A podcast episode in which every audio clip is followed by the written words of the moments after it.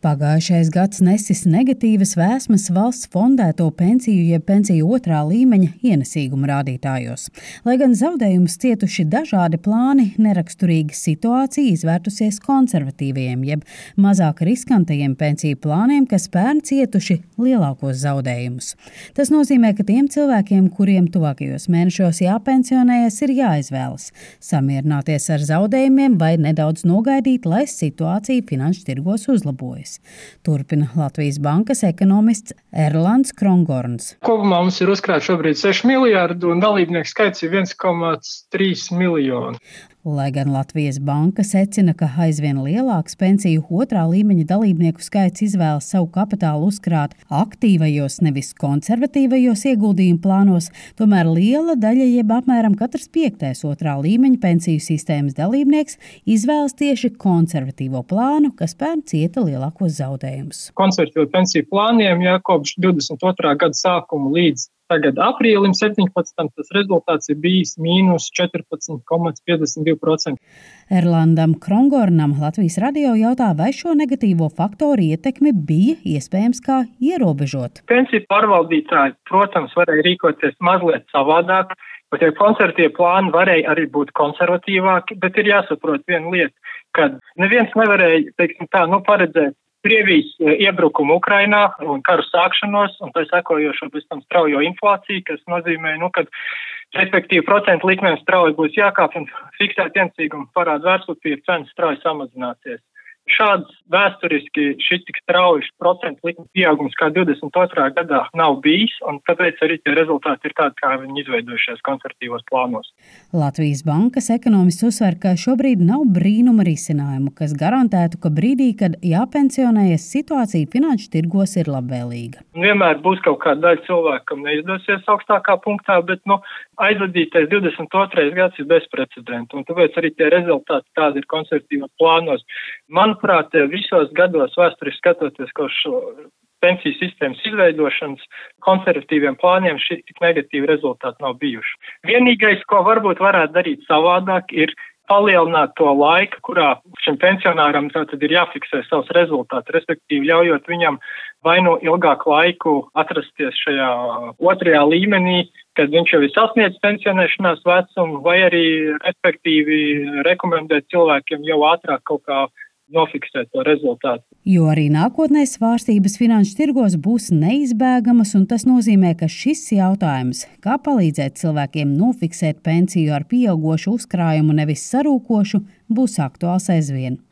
Arī Saimas komisijās, budžeta un arī Sociālo un darba lietu komisijā nonācis jautājums par otro pensiju līmeņu uzkrājumiem. Saimas sociālo un darba lietu komisijas vadītāja Inga Bērziņa no jaunās vienotības teica, ka pēc aptuveni diviem mēnešiem gaida vairāku ministriju priekšlikumus, kas būtu maināms esošajā pensiju izmaksas kārtībā, lai negatīvie notikumi ekonomikā neatstātu būtisku ietekmi uz pensijas apmēru. Esam arī lūguši gan Finanšu ministrijai, gan Labklājības ministrijai, gan Latvijas bankai, gan Valsts sociālās apdrošināšanas aģentūrai pārdomāt šo jautājumu, izvērtēt šo situāciju un uh, sniegt savus priekšlikumus, kas iespējams būtu maināms vai varbūt kaut kā darāms savādāk šādās situācijās, kad ir, kā jūs teicāt, šīs ieguldījuma kritums.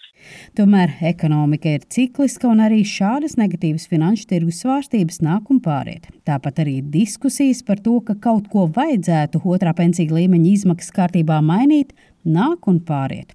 Uz jautājumu, vai šajā reizē līdz ar finanšu tirgus stabilizēšanos arī pensiju jautājums tiks noņemts no Saimas komisijas dienas kārtības, Inga Bērziņa Latvijas radio sola šādi. No, es no savas puses varu apsolīt, ka noteikti sekošu šim jautājumam līdzi un uh, vismaz sociālo un darblietu komisijā mēs noteikti to skatīsim, bet tam jautājumam jābūt ļoti izsvērtam, viņam jāpēt ļoti uzmanīgi. Tas nevar būt tāds sasteigts viens dienas lēmums, jo pēc būtības tas ietekmē katru iedzīvotāju. Tāpēc, ja mēs nonākam līdz likumdošanas izmaiņām, tad tām ir tiešām jābūt tādām, kas strādā mūsu iedzīvotāju labā un kas ir izsvērtas. Labklājības ministrijas pārstāve Dace Trušķīnska skaidro, ka ministrija plāno kā vienu no priekšlikumiem iesniegt to pašu risinājumu, kuru jau piedāvāja iepriekšējai saimai, kad bija atvērts fondēto pensiju likums. Toreiz deputātu atbalstu šis Labklājības ministrijas priekšlikums gan neguva.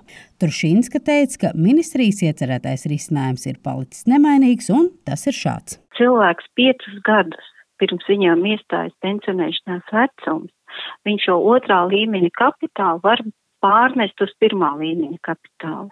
Viņam ir kaut kāda X summa otrajā līmenī uzkrāta, tikpat labi tas kapitāls varētu arī pieaugt, ja, bet viņš apņemās, viņš tagad ir 20 plus gadus krājis šo otrā līmeņa kapitālu, viņam ir uzkrāta pietiekami laba summa, un viņš saka, viss, ja, es negribu vairāk riskēt, un es šo otrā līmeņa kapitālu pievienošu pirmajam līmenim. Un, ja viņš pievieno šo pirmajā līmenī kapitālu, viņš vairāk, nu, katrā gadījumā nekritīsies. Ja? Kad viņš tiek pievienots pirmā līmeņa kapitāls, katru gadu tiek aktualizēts atbilstoši algas izmaiņām. Un, ja algas izmaiņas ir negatīvas, viņš nenokritīsies zemāks. Ja. Finanšu ministrijas pārstāve Aija Zicera uzsver, ka tā kā otro pensiju līmeni iegūda finanšu tirgos, tas nav pasargāts no svārstībām un nav tādu politikas instrumentu, ar kuriem varētu novērst to, ka iestājoties dažādiem ekonomiskiem, politiskiem vai citiem satricinājumiem, finanšu tirgi uz tiem reaģē ar kritumu. Viens no rīkiem, kā pasargāt savus uzkrājumus, ir izvēlēties atbilstošu ieguldījumu plānu.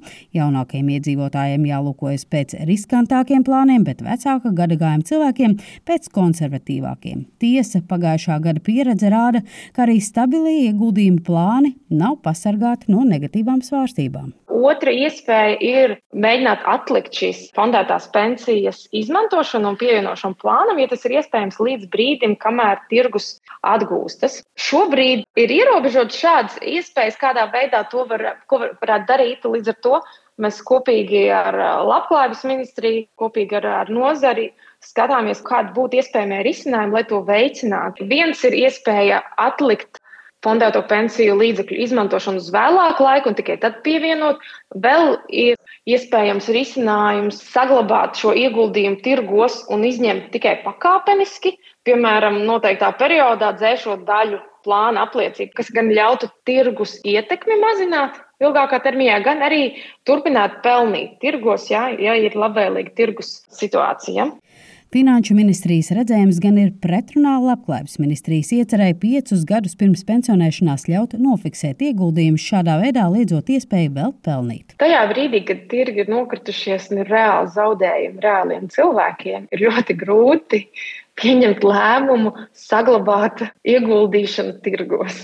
Līdz ar to, protams, ir vēlme palīdzēt, ir vēlme piedāvāt risinājumus, tas ir vērtējums pozitīvi, bet eh, jā, mēs, mēs, protams, no savas puses cenšamies arī skaidrot šo kopējo situāciju mazliet plašāk. Savs redzējums, kas ir līdzīgs Finanšu ministrijas paustajam, ir arī Finanšu nozares asociācijā pārstāvētajām komercbankām, kas rosina arī pēc pensionēšanās ļaut turpināt pensijas kapitāla uzkrāšanu. Turpina SEB investment management vadītājs Jānis Rozenfelds. Tā vai citādi atļaut pakāpenisku kapitāla izņemšanu, jo tāpat kā iemaksāšanas periodā, ja teiksim, uzkrāšanas periodā, katru mēnesi ja, teiksim, mēs veicam tās iemaksas, un tas mums to risku mazina ļoti labi. Tieši tāpat tas var strādāt arī izmaksu periodā. Labklājības ministrijas pārstāve Dāce Trušīnska gan ir skeptiska par šādu priekšlikumu. Abi šie līmeņi ir saistīti, viņi nav atraujami viena no otra. Pakāpeniski izņemt, tas nozīmē, ka kaut kādu daļu kapitāla tagad izlietos, jā, un kaut kāda daļa kapitāla paliek šajos finanšu tirgos. Nezinu, nu, tāda situācija jāvērtē. Pretējās domās ir Jānis Rozenfelds. Vismaz iespēja atlikt uh, otrā pensiju līmeņa kapitāla izņemšanu dalībniekiem līdz vēl netik senai pagātnē pastāvēja. Un Covid pandēmijas laikā uz laiku arī tika ieviesta kā tāds ārkārtas solis 20. gadā. Līdz ar to apgalvot, ja, ka tas ir neiespējami, es gluži šim argumentam negribētu piekrist. Savukārt Svetbanka ieguldījuma pārvaldes līdzekļu pārvaldnieks Oskars Briedis teica, ka arī citās valstīs prakses ir dažādas un arī Latvija varētu tās izskatīt. Tad trīs līmeņu sistēma ir izplatīta, bet nianses ir ļoti, ļoti dažādas.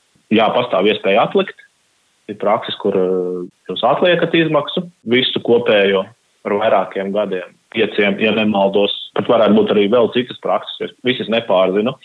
Un savukārt arī, jā, ja tiek izmaksa veikta no otrā līmeņa, tad tas tiek veikts pakāpeniski atsevišķi no pensiju fonda. Tātad tā nauda turpina palikt tiksim, finanšu tirgos un turpina uzkrāt, un savukārt pirmais līmenis ir atsevišķi. Cik es saprotu, šī nauda pat atsevišķos gadījumos netiek pēc tam arī apvienota, ja, kad sasniedz pensijas vecumu, tāpat turpina. Pirmais līmenis atsevišķi un otrais. Ekonomikas zinātņu doktors, pensiju sistēmas eksperts Edgars Voļskis uzsver, ka būtu jāveido noguldījumu garantiju fonds ja mēs paņemam līdzvērtīgi, kā notiek ir bankās, ja ir noguldījuma garantija fonds, kur katra banka ik mēnesi atskaita noteiktu naudu garantiju fondā ar domu, ja gadījumā bankā tad notiek problēmas, attiecīgi, ja tad noguldītāji var saņemt šo summu, garantēto summu līdz 10 tūkstoši eiro. Ja.